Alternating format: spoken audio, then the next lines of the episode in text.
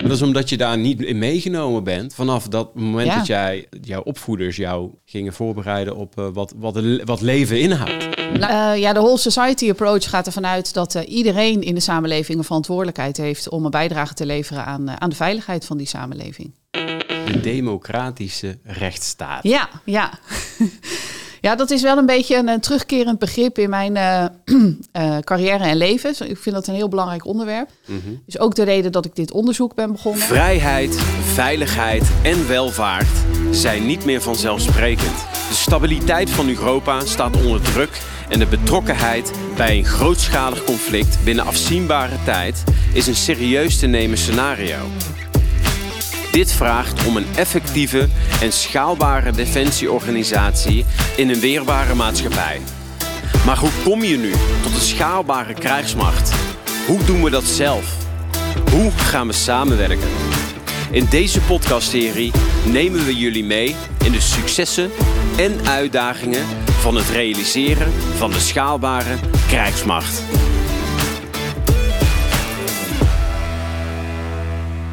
Nou, goedemorgen Annelies. Goedemorgen. Hartstikke leuk jou hier ehm, in de Samen Sterker podcast te hebben.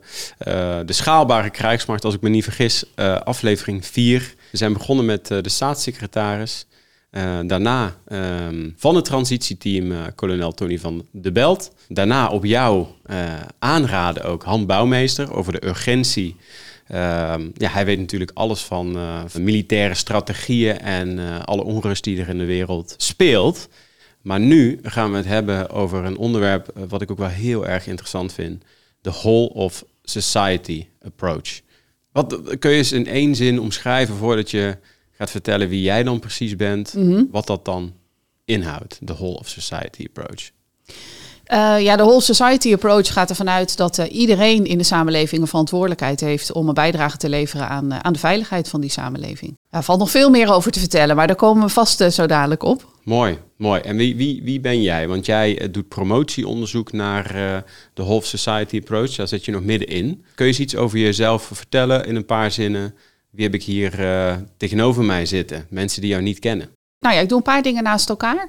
Eh, ik werk eh, bij de defensiestaf bij het transitieteam. Dat is gewoon mijn normale eh, baan. Daarnaast doe ik promotieonderzoek aan de Universiteit Leiden. En dat gaat over de rol van de krijgsmacht in de samenleving en de democratische rechtsstaat in Nederland, Zweden en Finland. Dus ik heb eigenlijk een vergelijking uitgevoerd tussen die drie landen. En dat onderzoek verwacht ik nou ja, over een half jaar ongeveer af te ronden. De democratische rechtsstaat. Ja, ja. Ja, dat is wel een beetje een, terugkerend begrip in mijn eh, eh, carrière en leven. Zo, Ik vind dat een heel belangrijk onderwerp. Is, is een van de redenen, belangrijkste reden dat ik bij Defensie werk. Hè, omdat ik vind en voel dat ik daar een bijdrage aan kan leveren. Mhm. Is ook de reden dat ik dit onderzoek ben begonnen. eh, omdat onze democratische rechtsstaat onder druk staat. En ik ben daarnaast ook nog politiek actief. En dat heeft ook te maken met dat gevoel van dat ik me in wil zetten voor die democratische rechtsstaat. Dus dat is wel een beetje een terugkerend begrip. Je bent druk. Het is wel druk, ja. Je doet van alles. Ja, ja Mooi. maar wel leuk en het, het hangt allemaal samen. Dus dat scheelt ook weer, want dan eh, kun je het met elkaar in verband brengen. Ja, ja. Op welk moment dacht jij, hier wil ik me in vast gaan bijten? Want dat doe je wel met een eh, promotieonderzoek. Ja, ja. Nou, klopt. Ehm, eh, dat was eigenlijk, eh, nou, zoals ik dat net eh, toelichtte. Hè. Ik had, rond 2018 speelde, ik, speelde dat, dat ik dacht... eh, het gaat niet zo goed met de democratische rechtsstaat, relatief in Nederland en ook in andere landen om ons heen. Alhoewel het hier in vergelijking met de rest van de wereld natuurlijk wel hartstikke goed gaat. Hè, We staan nog steeds bovenaan alle lijstjes met eh, stabiliteit en, eh, eh, en, en dat soort dingen. Ehm, dus ik wilde me daar eens in gaan verdiepen of dat echt zo was. Eh, en ik heb gekeken hoe, hoe komt dat dan, dat het onder druk staat. Ja. Nou, dat heeft onder andere te maken met eh, nieuwe dreigingen waar we mee te maken hebben. Hè. Hybride dreigingen, terroristische dreiging, eh, eh, cybercrime, eh, georganiseerde criminaliteit. Mhm. Heeft ook te maken met de afnemende sociale cohesie in de samenleving. Ehm, dat, dat is eigenlijk de tweede oorzaak. En de derde is dat de overheid soms ook zelf afbreuk kan doen aan die democratische rechtsstaat. En daar Ja. wilde ik meer van weten. Dus ik ben gaan kijken, is dat echt zo? Dat gevoel dat dat zo is. Dus dat ben ik eerst gaan onderzoeken. En toen heb ik dat in verband gebracht met de krijgsmacht. En omdat ik gekozen heb om te vergelijken met Zweden en Finland, Ja. kwam ik al heel snel uit bij die whole society approach. Omdat dat eh, in die twee landen heel belangrijk is vanuit hun, nou ja, eigenlijk vanuit hun geschiedenis. en ze daar al vanaf de Tweede Wereldoorlog nou, die benadering hanteren. Dus zo heeft dat ook een plek gekregen in mijn onderzoek. Ja. Want, want, want, nog een keertje even het rijtje, want je ging even heel snel. Sorry. maakt niet uit, maakt niet uit. Uh, dus je had net een heel mooi rijtje van de sociale cohesie. En kun je die nog eens een keer herhalen en een beetje uh, toelichting geven daaraan? Ja, dus het, de eerste was eigenlijk de toenemende, of uh, nieuwe dreigingen. Of, ja, of ze dan nieuw zijn, kun je afvragen. Maar ja. je hoort ja, wel dat vaak... is waar de vorige podcasts over gingen. Ja. ja, nou je hoort wel vaak de, de verwevenheid tussen interne en externe veiligheid. Vroeger was het best wel duidelijk. We hadden interne veiligheidsproblemen, criminaliteit met name. En daar was de politie van. En er waren externe dreigingen, hè, dus een vijand van buitenaf. En daar was de krijgsmacht van. En tegenwoordig loopt dat helemaal door elkaar heen. Hè, die, die, die grenzen die zijn, uh, ja, die zijn heel fluïde geworden. Ja. En Heb je daar een voorbeeld van? Nou, kijk bijvoorbeeld naar uh, uh, cyberdreiging. Stel je voor, er is een uh, cyberdreiging voor de haven van Rotterdam dan zouden we daar in eerste instantie naar, voor naar de politie kijken. Ja. Maar is er een fysieke dreiging voor de haven van Rotterdam van een vijand van buitenaf, dan zou het een rol voor de krijgsmacht zijn. Ja. Dat is eigenlijk een soort gek. Hè? Dus die zouden daar misschien wel samen dan een, uh, een rol in moeten hebben. Ja. Um, nou ja, georganiseerde criminaliteit houdt zich niet aan grenzen. Je kunt wel zeggen dat er is helemaal de politie verantwoordelijk voor. Maar die zit natuurlijk vooral uh, in Nederland. Problemen komen van, van, van buitenaf, uh, terroristische dreiging ook. Dus het is, het is allemaal een beetje door elkaar heen gaan lopen. Ja. En dat betekent ook dat de, de taken van politie en krijgsmacht een beetje door elkaar heen zijn gaan lopen soms. Hè. De, de krijgsmacht is vaker ook ingezet voor politietaken. Zo zie je bijvoorbeeld dat ze nu in Nederland ook wel worden ingezet voor uh, bewaken en beveiligen ter ondersteuning van de politie. Dus eigenlijk toen ik aan mijn onderzoek begon, uh, was ik daar ook veel mee bezig. Met binnenlandse taken van de, van de krijgsmacht. En, en hoe ze daar uh, de politie bijvoorbeeld uh, bijstand in verlenen. En wat daar de toekomst van zou zijn. Ja. Maar inmiddels is de wereld natuurlijk wel behoorlijk veranderd. In, hè, sinds de Russische invasie begin 2022. Ja. Ja, ja. Maar ik dwaal weer af, want ik zou nog een keer het rijtje opnoemen. En dit was de eerste, hè, de nieuwe dreigingen.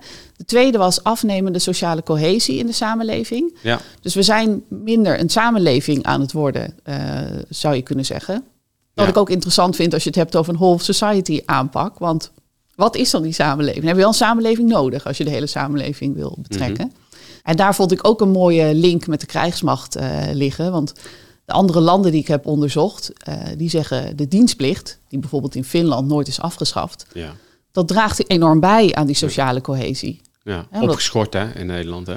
In Nederland opgeschort, klopt. En in Zweden hebben ze dat ook uh, gedaan. En, en uh, nou ja, daar zijn ze nu alweer uh, langzaam het aan het invoeren hè, met, met kleine aantallen. Ja. En daardoor zie je dat ook de positie van de krijgsmacht in die landen anders is. Uh, in Nederland is de afstand tussen de krijgsmacht en de samenleving een stuk groter geworden sinds de afschaffing van de dienstplicht. Mm -hmm. Of de opschorting van de dienstplicht. Um, ja, en je ziet dus dat ze in die landen, met name ook in Finland, zeggen van nou, wij hebben zo'n sterke samenleving, omdat al die mannen dan wel, hè, dus er is daar nog geen dienstplicht voor vrouwen, mm -hmm. uit allerlei lagen van de samenleving met elkaar in aanraking komen en uh, in, dat, uh, in die krijgsmacht dienen. Ja. Ja. En dat is echt die school for the nation uh, gedachte. En daardoor hebben zij een sterke samenleving. Dus dat vond Mooi. ik ook interessant. Dus dat heb ik ook onderzocht. Van is dat zo? Dan blijkt dat dan uit onderzoek dat inderdaad zo'n dienstplicht zou bijdragen aan de sociale cohesie. En, en daar zijn wel inderdaad aanwijzingen voor. Ja. Wat ik juist heel interessant vind, is die sociale cohesie. Dus wat maakt dat een dienstplicht zorgt voor sociale cohesie? Want dat is natuurlijk maar een klein onderdeel van de maatschappij. Echter, uh, je krijgt wel bepaalde normen en waarden mee, want uh, daar zijn natuurlijk regels aan verbonden. Wat voegt dat toe? Ja, het is eigenlijk vooral uh, wat ik daarnet zei. Hè? Dus dat mensen uit verschillende lagen van de samenleving die elkaar anders niet tegen zouden komen, uh, samen in zo'n eenheid zitten. Ja. Hè, normaal gesproken blijf je in je eigen bubbel zitten. Uh, en dat, dat heb je niet als je die dienstplicht vervult. Dan is het natuurlijk wel een voorwaarde dat iedereen daaraan deelneemt. Ja. En dat is, vind ik zelf ook het zwakke punt in Finland. Hè. Ze hebben daar alleen nog een dienstplicht voor vrouwen. Of voor mannen, omdat ze zeggen, ja, we hebben de hele generatie niet nodig vanuit veiligheidsoogpunt. Ja. Je gaat natuurlijk niet een dienstplicht invoeren alleen om die sociale cohesie te bevorderen. Hè. Het is een neveneffect. Ja. Die voert die dienstplicht in vanwege de dreiging en de noodzaak om, uh, om dat te doen. En zijn zij allemaal uh, bereid om dat te doen? Want je hoort, ik hoorde verhalen wel eens van mensen van vroeger die zeiden van... oh, ik was blij, want ik werd afgekeurd. En die was dan heel blij, want die was ondernemer. En die volgens mij, ehm, mijn vader toen hij nog leefde, die was te klein. Ja. en de ander, die, daar waren allemaal regels voor. Hè? Ja. Ehm, hoe, hoe graag willen zij participeren? in uh, Finland bijvoorbeeld? Nou, dat is interessant dat je het vraagt, want uh, in, in die landen is de context natuurlijk heel anders dan bij ons. En zij hebben eigenlijk altijd, en zeker voor Finland geldt dat, die Russische dreiging gevoeld. Uh, dat is ook de reden dat ze de dienstplicht nooit hebben afgeschaft. En de gevechtsbereidheid is in die landen ook veel hoger dan bij ons. Ja. He, dus daar heb ik in mijn onderzoek ook naar gekeken. Daar is ehm, internationaal vergelijkend onderzoek naar gedaan. Uh, het International World Value Survey heet het geloof ik uit mijn hoofd.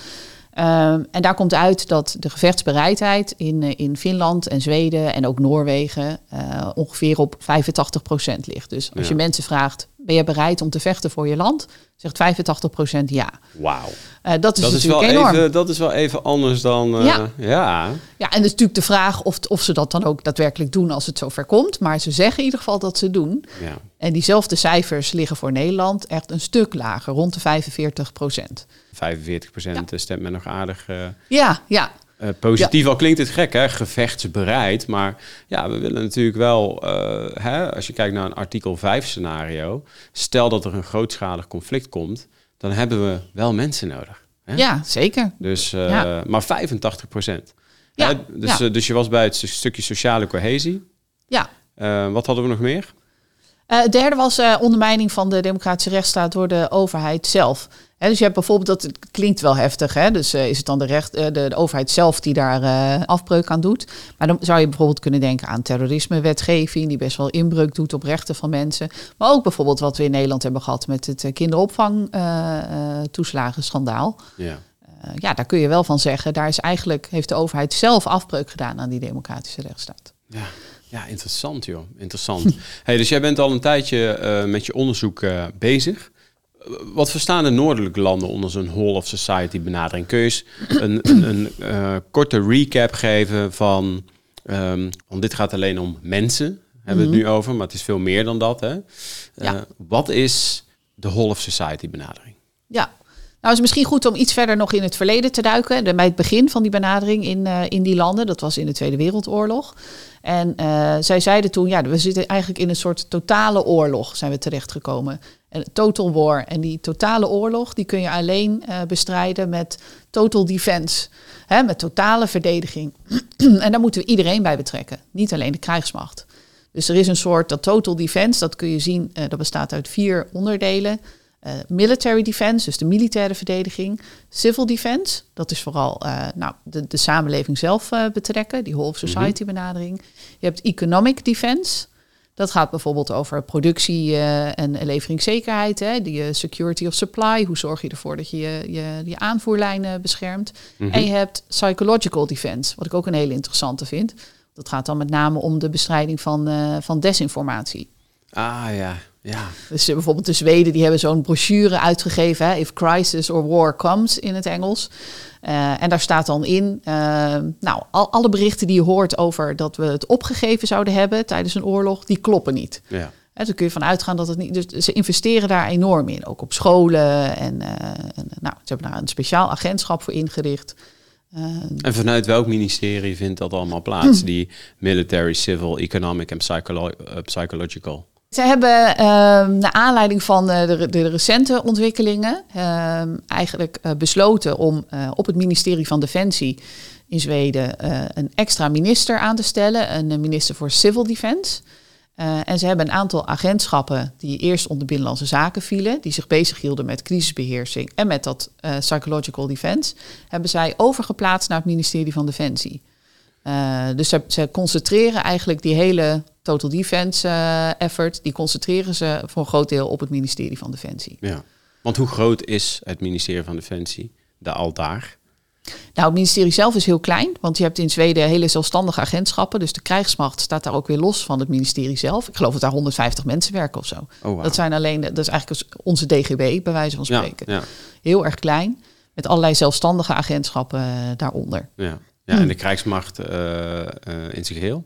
Ja, ze gaan naar. Ik, ik weet niet precies een aantal hoe groot die is. Ze hebben wel hun budget, want zij hadden. Um, dat noemen ze zelf de periode van strategic time-out. Sinds het einde van de Koude Oorlog hebben zij nog veel grotere uh, bezuinigingen op de krijgsmacht doorgevoerd dan in Nederland.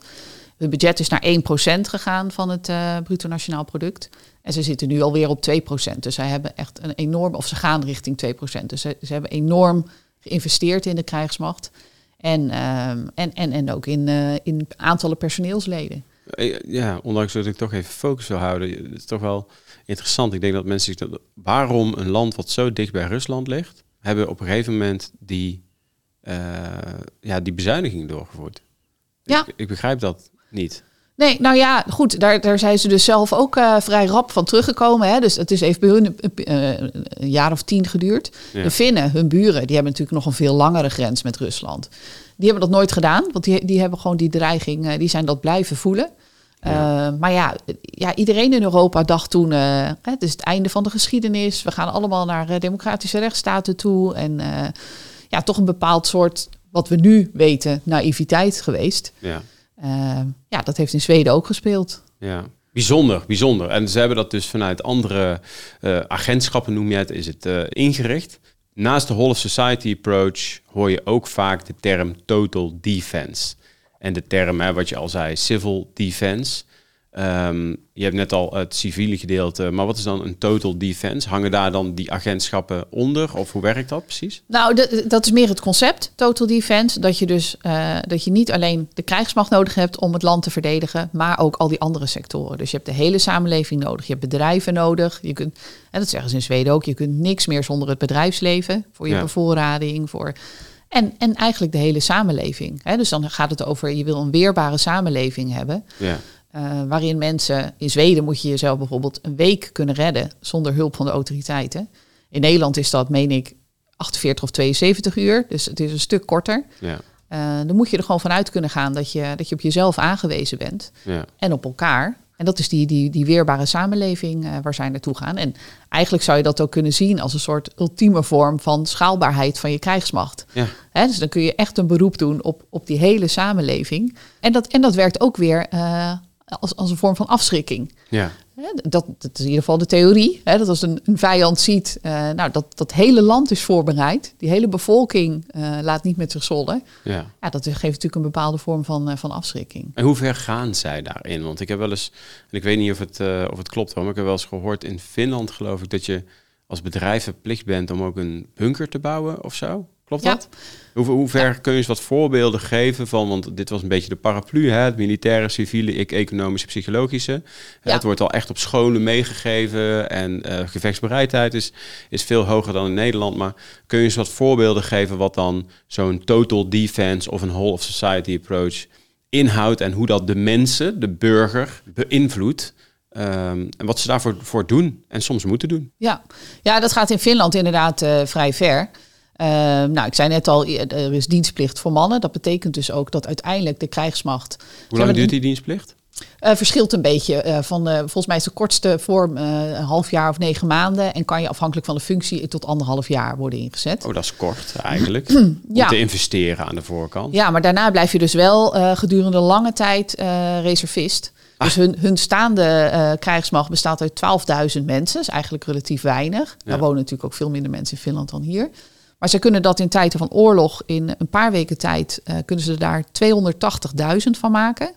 Uh, door reservisten op te roepen. En in totaal zijn er 900.000 reservisten in het land. Wow. Hè, dus bijna alle mannen tot, uh, nou ja, ik geloof 50 of weet ik veel wat. Die kun je uiteindelijk, als, als er nood aan de man is, kun je die oproepen. Zijn dat goed opgeleide militairen? Ja, want die komen nog steeds, worden die regelmatig opgeroepen voor terugkom, uh, oefeningen, trainingen. Uh, je gaat ook als je als militair in Finland met hun FLO gaat, ben je niet gelijk helemaal de dienst uit. Maar Ja. moet je nog een aantal jaren mensen trainen. Ja. Trainen, maar ook dienstplichtigen trainen. Uh, dus ze hebben dat gewoon, ze hebben hun staande krijgsmacht heel lean georganiseerd. Hè? Daardoor Ja. ook best wel betaalbaar. Maar ze kunnen dat heel goed uh, ja, optoppen als het nodig is. En is dat in de praktijk ook echt zo of is dit het, dit het romantische verhaal? Nee, dat is in de praktijk ook echt zo. Ja. Dus, en, en ze beoefenen dat ook daadwerkelijk. Wauw. Dus ze gaan ook daadwerkelijk naar die grens met Rusland en ze doen daar oefeningen. Dus het is. Ja. eh, en ze hebben natuurlijk ook zijn heel erg lang eh, nou ja, niet aangesloten geweest bij de NAVO. Hè. Dat is nog maar heel recent. Ook Ja. naar aanleiding van die Russische invasie. Ja. Eh, de Finse bevolking was daar heel lang ook huiverig voor. Die zeiden nou, eh, hè, de- we moeten daar voorzichtig mee zijn en laten we nou maar ons niet te assertief opstellen, ook richting Rusland. En dat is gewoon, overnight is dat omgeslagen. Ja, je de sluit je wel aan bij een grootmacht natuurlijk. Hè? Ja, ja. Dus daar geef je ook een signaal mee af naar Rusland. Dus ik, ja. Ja. zeker. Ja. Maar goed, je vroeg net naar concrete voorbeelden. Bunkers, inderdaad, die zijn daar nog. Ze hebben daar ook van die enorme opslagplaatsen. Hè. Eh, bijvoorbeeld in de COVID-crisis. Toen wij hier allemaal op zoek waren naar mondkapjes en beademingsapparaten. Nou, zij hoefde alleen maar een, eh, zo'n bunker open te trekken. En eh, daar stond dat allemaal eh, rijen dik opgeslagen. Dus Finland is echt daadwerkelijk voorbereid op, eh, nou ja, op, op langdurige crisis of conflict. En Zweden is daar dus mee gestopt. En die proberen dat nu langzamerhand weer op te bouwen. Maar als dat helemaal weg is, ja, dan kost dat wel heel veel moeite. Ja.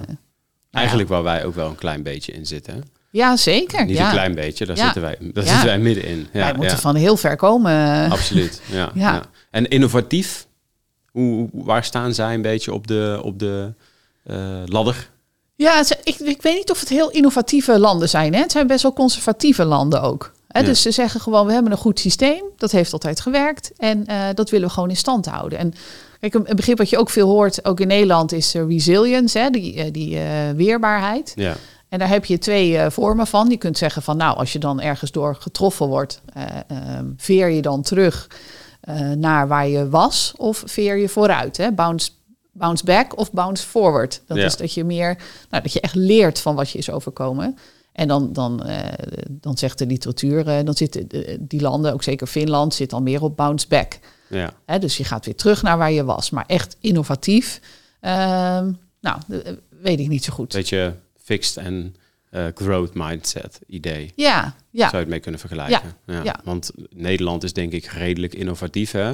Eh, wat ook bij Han Bouwmeester naar voren kwam, is dat eh, cyber, drones, verdeeldheid creëren, dat dat wel hè, de grootste main topics zijn die er nu spelen. Dus je zegt eigenlijk, als je naar Finland en dan ook Zweden kijkt, zijn het niet de meest innovatieve landen, maar als het zit op het gebied van gevechtsbereidheid en weerbaarheid, eh, zijn ze daar wel echt. En ook schalen hè, eh, in mensen, daar zitten zij wel. eh, Ja, en het gewoon daadwerkelijk goed. doen. Gewoon doorzetten en besluit nemen en er dan op, op acteren. Hè? Dus ze hebben niet zo'n zo'n poldercultuur als wij hier misschien hebben. Hè? Dus het, het gaat er allemaal, als ze daar een besluit genomen hebben. Ze zetten, zo'n mooi voorbeeld van Finland. Ze hebben daar een security committee. Daar zitten alle spelers op het gebied van veiligheid aan tafel. Dat Mhm. wordt getrokken vanuit nou, hun algemene zaken en defensie. Eh, nou, daar komen de vraagstukken op tafel. Dan kan iedereen meepraten. Dan nemen ze een besluit. En dan gaan ze het gewoon uitvoeren. Dus er zit daar wel meer, nou ja, een soort actie, eh, actiegerichtheid in. En, en een enorm gevoel van de noodzaak dat er, eh, dat er dingen moeten gebeuren. ja. Ja, en dat je daar dus ook, eh, nou ja, dat je dat als, als burger van zo'n samenleving gewoon doet. Je hebt Ja. daar gewoon je bijdrage aan te leveren. Ja. En wij zijn daar in Nederland voorzichtig in. Hè, dat vond ik bijvoorbeeld met de, met de invoering van het dienjaar, wat ik op zich een hele mooie ontwikkeling vind. Ja. Maar hoe dat gebracht eh, is, is toch wel vooral, nou, dan kunnen we de jongeren ook eh, de kans bieden om, om te dienen bij de krijgsmacht en zichzelf te ontwikkelen. En, en daar is het meer van, ja, je, je moet gewoon je bijdrage leveren. Ja. Ja. We verwijzen hier vaak naar het Zweedse model. En dan, dan, dan denken we dat dat met dat dienjaar te maken heeft. Omdat in Zweden ook klein, relatief kleine aantallen dienen. Maar het is daar gewoon een dienstplicht. Ze roepen alleen niet iedereen op. Ja. Ze roepen kleine aantallen op. Maar als je wordt opgeroepen, moet je wel gaan. Ja. Als je niet gaat, kom je gewoon in de gevangenis. Dus het is daar eh, het dat is allemaal minder vrijblijvend eh, ja, dan dat is het. Ja. En hebben zij ook aanvullende maatregelen genomen als je kijkt naar eh, de dreiging van Rusland die toegenomen is? Of, Ja, als je dan eh, eh, kijkt naar die dienstplicht, hebben ze de aantallen uitgebreid. ja. Maar ze hebben ook gezegd, we moeten niet alleen een dienstplicht bij de krijgsmacht hebben, maar ook in eh, andere sectoren. Want stel je voor dat je in een oorlogssituatie komt. Ja, dan kom je ook in een situatie van maatschappelijke ontwrichting. Hè? Dus dan heeft de politie ook extra mensen nodig. ja. Dus ook daar gaan ze nu dienstplichtigen oproepen. In de zorg. Hè? Je kunt dan natuurlijk grote aantallen gewonden verwachten. Ehm, dus de zorg moet kunnen opschalen. Allerlei sectoren, in, eh, als civiele sectoren, waarvan je ook zou kunnen verwachten dat daar meer capaciteit nodig is. Daar komt nu ook een dienstplicht voor. Dus die aantallen die, die zullen omhoog gaan. Ja. En daar proberen ze in eerste instantie wel rekening te houden met, uh, met motivatie en vrijwilligheid. Maar ze zijn daar nu al wel begonnen met experimenteren van het oproepen van mensen die hebben aangegeven dat ze het niet willen. Ja. En die Ja. roepen ze toch op. Zijn er dingen die jou echt eh, heel erg opgevallen zijn dat je dacht van, wauw, daar kunnen we echt wat van leren? Ja, wat ik wel heel goed vind daar is, ze hebben daar eh, National Defense Courses. Dat is een soort cursus waar dan de, nou ja, de soort de elite van het land eh, naartoe gaat. Hè. Dus dat is de top van de krijgsmacht, de top van andere overheidsinstellingen, maar ook de top van het bedrijfsleven. Politici sluiten daarbij aan, maar ook journalisten, wetenschappers. Dus een beetje iedereen die iets eh, in de melk te brokkelen heeft. Dat is ook heel populair, want iedereen wil daarbij horen. Ja. Ehm, en die mensen leiden ze in een paar weken op op het gebied van veiligheid. Ja. Met als doel zodat iedereen zich bewust is van de dreiging en wat hun rol daarin is. Maar ook om een netwerk te vormen. Een heel sterk netwerk. Dus zodra er iets de nood aan de man is, dan eh, weet je wie je kunt bellen. Dus ze hebben een hele. Ze investeren enorm in eh, kracht van de samenleving en van de, de, de mensen die dat moeten aansturen. Ja. Dat vind Ja. ik ontzettend sterk. En Ja. En zijn, ze dat in, in systemen, in databases? Of weet je hoe dat gaat? Of is dat, eh, is dat, goed, is dat goed ingeregeld? Eh, hoe werkt dat? Ja, de krijgsmacht, in ieder geval in Finland, organiseert de krijgsmacht dat. Dus dat is allemaal heel strak georganiseerd. Eh, drie keer per jaar is er zo'n cursus. Dan, dan zit je voor drieënhalf, vier weken met zo'n groep. Ja. Eh, daarna kom je nog jarenlang, of dat, dat, dat blijft gewoon een soort alumni. eh, eh, iedereen wil daarbij horen. En dan zijn ze ook daadwerkelijk aan het oefenen, aan het wargamen, scenario's aan het doornemen. Ze beoefenen en ze, ze trainen daar heel erg veel op. Nou, stel je voor dat we in zo'n situatie komen. Ja. Wat gaan we dan doen? Wat is jouw rol daar dan in? Wat is jouw... Nou, Zweden heeft dat lang gedaan tijdens de Koude Oorlog. Is ermee gestopt. Is het nu weer aan het eh, opstarten. Hè? Dus die, Ja. die doen dat nu ook weer. En het betekent dus ook dat daar elke organisatie ook weet wat, wat zijn of haar taak is in een oorlogssituatie. Ja, want echt fijn dat je dat zegt. Het zat echt net. ik wilde hem net aan je gaan vragen, want ik ben natuurlijk zelf ook ondernemer. Ik denk, nou, als ik ehm, eh, de mensen waar, die ik heel hard nodig heb iedere week, als ik die ineens drie, vier weken kwijt ben. eh, maar daar plannen ze gewoon op. Of eh, Ja. wat, wat, wat zit in de samenleving verweven natuurlijk. Ja. Ehm, maar het, is, het heeft nogal een impact op je, Ja. op je bedrijfsvoering als bedrijf. Zeker, maar ja, dat hoort er dan bij en dat vindt iedereen vanzelfsprekend. Ja, dat is het. Hè? Dus het zit gewoon helemaal in dat DNA van die samenleving. eh. en, dat, dat, ja, dat, en, en zeker in Zweden is er ook wel kritiek op. Hè? Dus er wordt ook wel gezegd van, oh, maar dit is wel een soort vorm van militarisering. Nou, ik, ik weet niet of je vorige week in het nieuws gezien hebt. Toen was de Zweedse minister en de Zweedse CDS... die hebben zich best wel eh, zware taal uitgelaten over de Russische dreiging. Hè? Die hebben gezegd van Zweden kan in een oorlog eh, terechtkomen. Of het kan oorlog worden in Zweden. Ja. Ja, daar is ook binnen Zweden wel kritiek op gekomen. Hè? Van het zou angstzaaierij zijn en eh, bange kindertjes van wordt het oorlog in Ja. ons land. Dus ja, je zou kunnen zeggen, dat noem je dan in de, in de, in de wetenschap, het is een vorm van securitisering van de samenleving. Alles is doordrongen van, van veiligheidsproblematiek. Ja. Maar ja, dat, dat komt voort uit de dreiging die ze daar voelen. Ja. Hè, wat ik wel zelf interessant vind dan, is hoe ver ga je daarin? Hè, ze hebben al die civiele agentschappen in Zweden nu onder het ministerie van Defensie geplaatst. Ja. Ik denk dat wij dat hier niet zo snel zouden doen. Het zou bijvoorbeeld onze NCTV, hè, die is bij ons verantwoordelijk voor crisisbeheersing, Ja. valt onder justitie en veiligheid. Ik denk niet dat we die zo snel onder, de, onder Defensie zouden eh, plaatsen. Ja. Hè, dus je moet ook je moet goed kijken, wat kun je nou overnemen van zo'n land? Wat kun je daarvan leren? En wat past er niet in de Nederlandse context? Loop daar eens even over leeg, want eh, dat was inderdaad mijn volgende vraag. Wat kunnen we kopiëren van, eh, van, van deze landen? Ja. Nou ja, daarbij is dus het, het allerbelangrijkste om ons te realiseren dat die sense of urgency anders is. Dus als wij stappen willen zetten richting een whole society benadering, nou dat zal uh, Han Bouwmeester ook verteld hebben, maar dan moet die sense of urgency moet omhoog, want dan moeten we ook voelen dat dat nodig is. Als je zegt van we gaan nu een dienstplicht uh, uh, reactiveren, ook al roepen we dan maar kleine aantallen op, dat is natuurlijk best wel een heftig besluit zou dat zijn. Ja, dus zeker. dat kun je niet zomaar nemen.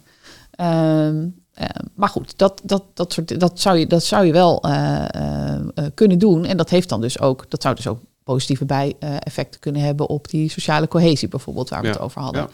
Nou, die, die cursus die ik net noemde, die National Defense Course, sinds vorig jaar eh, loopt daar ook een, eh, een pilot, of dat is eigenlijk voorzichtig opgestart in een samenwerking tussen eh, Defensie en de NCTV. Uh, dus we zijn daar in kleine aantallen zijn ze daarmee begonnen. Dus nu de, de, tweede heeft net plaatsgevonden. Ik denk dat je dat enorm zou moeten uitbreiden.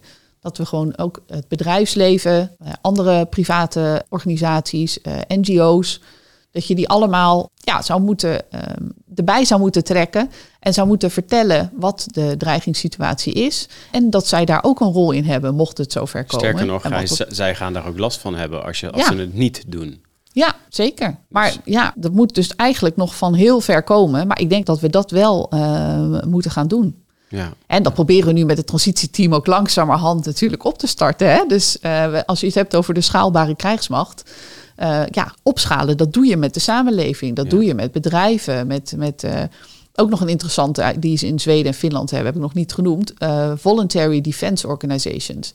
Dus ze hebben daar vrijwillige organisaties voor, nou ja, defensie. dat zijn vaak ook oud-militairen bijvoorbeeld die dat doen. Die krijgen ook uh, geld van de overheid om bepaalde taken uit te voeren, om in hun eigen, die zijn vaak heel lokaal georganiseerd, uh, die samenleving weerbaarder te maken, hè, mensen te trainen.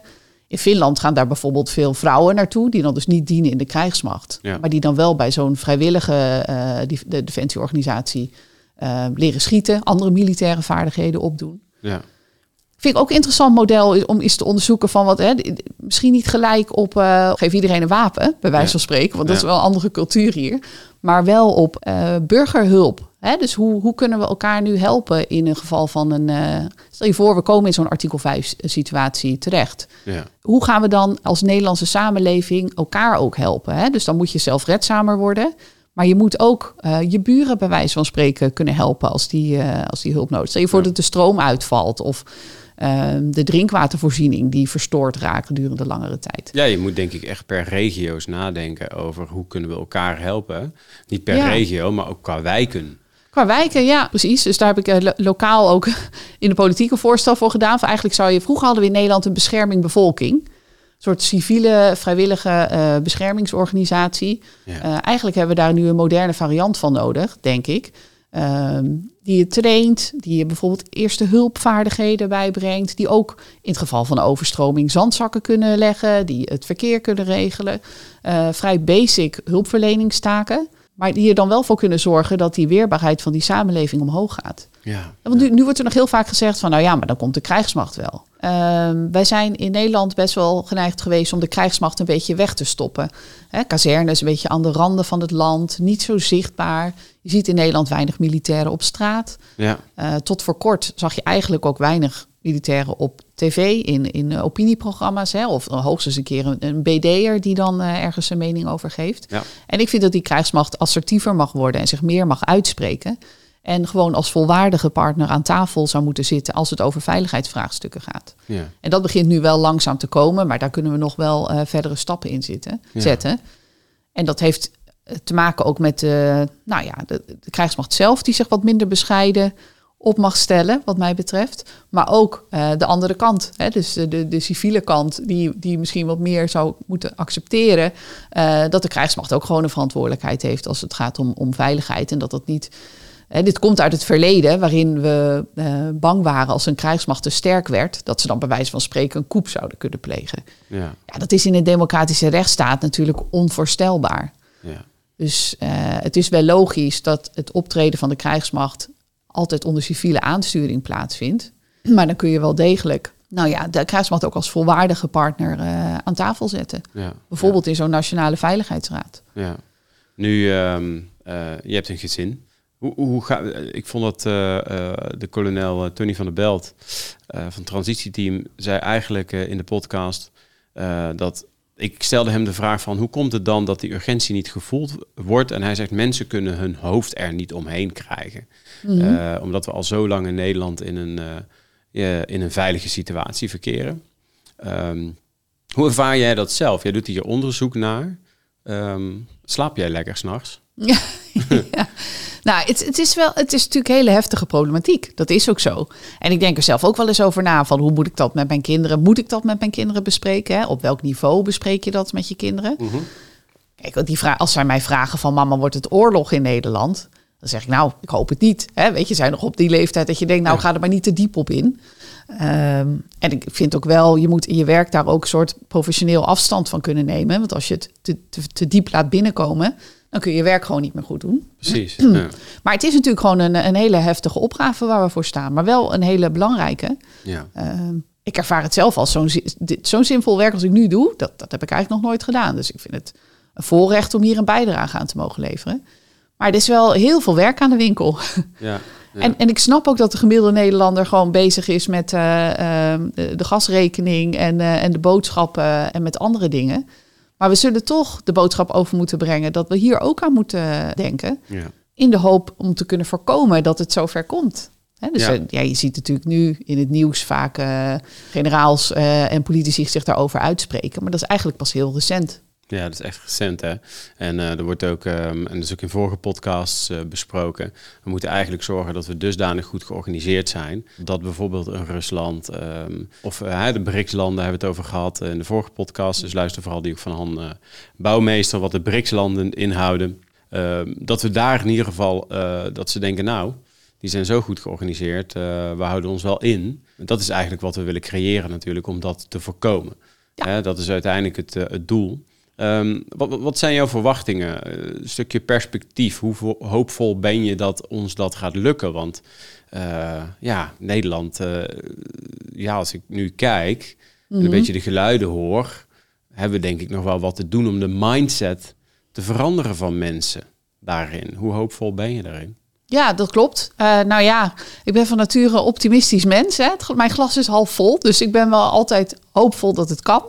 Ehm, en ik vind ook gewoon dat we dat als we dat appel op de samenleving doen, om zich ook daadwerkelijk eh, in te gaan zetten en verantwoordelijk te gaan voelen en te gaan realiseren dat je een bijdrage te leveren hebt aan de samenleving. Dat je niet alleen maar rechten hebt, maar dat je ook wat terug moet doen, dat je ook plichten hebt. Ja, Eh, dan kunnen we volgens mij eh, een eind komen. En, en ja, er is ook elke keer weer een nieuwe generatie die opgroeit in een andere tijd. ja. Dus ja, misschien, die, die moeten we gewoon zien te bereiken. Wat wil jij? ehm, want we kunnen volgens mij uren praten over dit onderwerp. Ehm, daarom is natuurlijk zo'n promotietraject ook jaren. Ja, Eh, ik hoop dat we in ieder geval de highlights eruit hebben gehaald. Hebben we nog iets gemist? nee, volgens mij hebben we alles wel, eh, wel geraakt. Ja, wat zou je Ja. dan ehm, eh, de luisteraar eh, overwegen, mensen van, eh, van Defensie? Ehm, en ik hoop ook mensen daarbuiten die ehm, interesse hebben in eh, wat wij hier eh, met deze podcast proberen te vertellen. Hè? Ehm, wat zou jij mee willen geven aan de mensen vanuit jouw expertise? Ja, vooral dat, dat iedereen dus een bijdrage te leveren heeft aan die weerbare samenleving. En dat iedereen zich dus voor zichzelf zou moeten afvragen: wat kan ik zelf nou doen om die weerbaarheid van die samenleving omhoog te krijgen? En, en dat kan heel klein zijn in je eigen omgeving. Breng maar eens in kaart in jouw eigen buurt of wijk. Wie wonen daar nou allemaal? Wonen daar ook kwetsbare mensen die misschien eh, in geval van zo'n eh, ramp, crisis, oorlogssituatie hulp nodig zouden kunnen hebben? En wat kan jij daar dan in betekenen? Ja. Dus ik zou het vooral, eh, nou ja, klein en behapbaar houden. Ehm, naast alle grote maatregelen die we moeten nemen. Maar iedereen kan iets doen. Ja. Ik wil je ontzettend bedanken voor eh, jouw uiteenzetting van de Whole of Society approach. Ehm, heb ik nog iets gemist? Nee, er komt nu niks bij me op. Volgens mij hebben we alles besproken. Ja, Super leuk dat je hier was. En Ja, graag gedaan. ehm, voor alle mensen die de podcast heel graag luisteren. ehm, als je nog interessante mensen hebt die eh, bij willen dragen. eh, en waarvan jij weet dat ze echt meer kunnen vertellen over schaalbaarheid van de krijgsmacht. Eh, laat dat dan eh, vooral weten in de comments, eh, bijvoorbeeld op LinkedIn. Like, deel en reageer even op deze podcast als je ergens iets van vindt. Je mag kritisch zijn. Dat vinden we vooral heel belangrijk. Kritische mensen, want daardoor worden we alleen maar beter. En dan wil ik jou enorm bedanken voor, voor jouw komst. graag gedaan. Joep. Ja.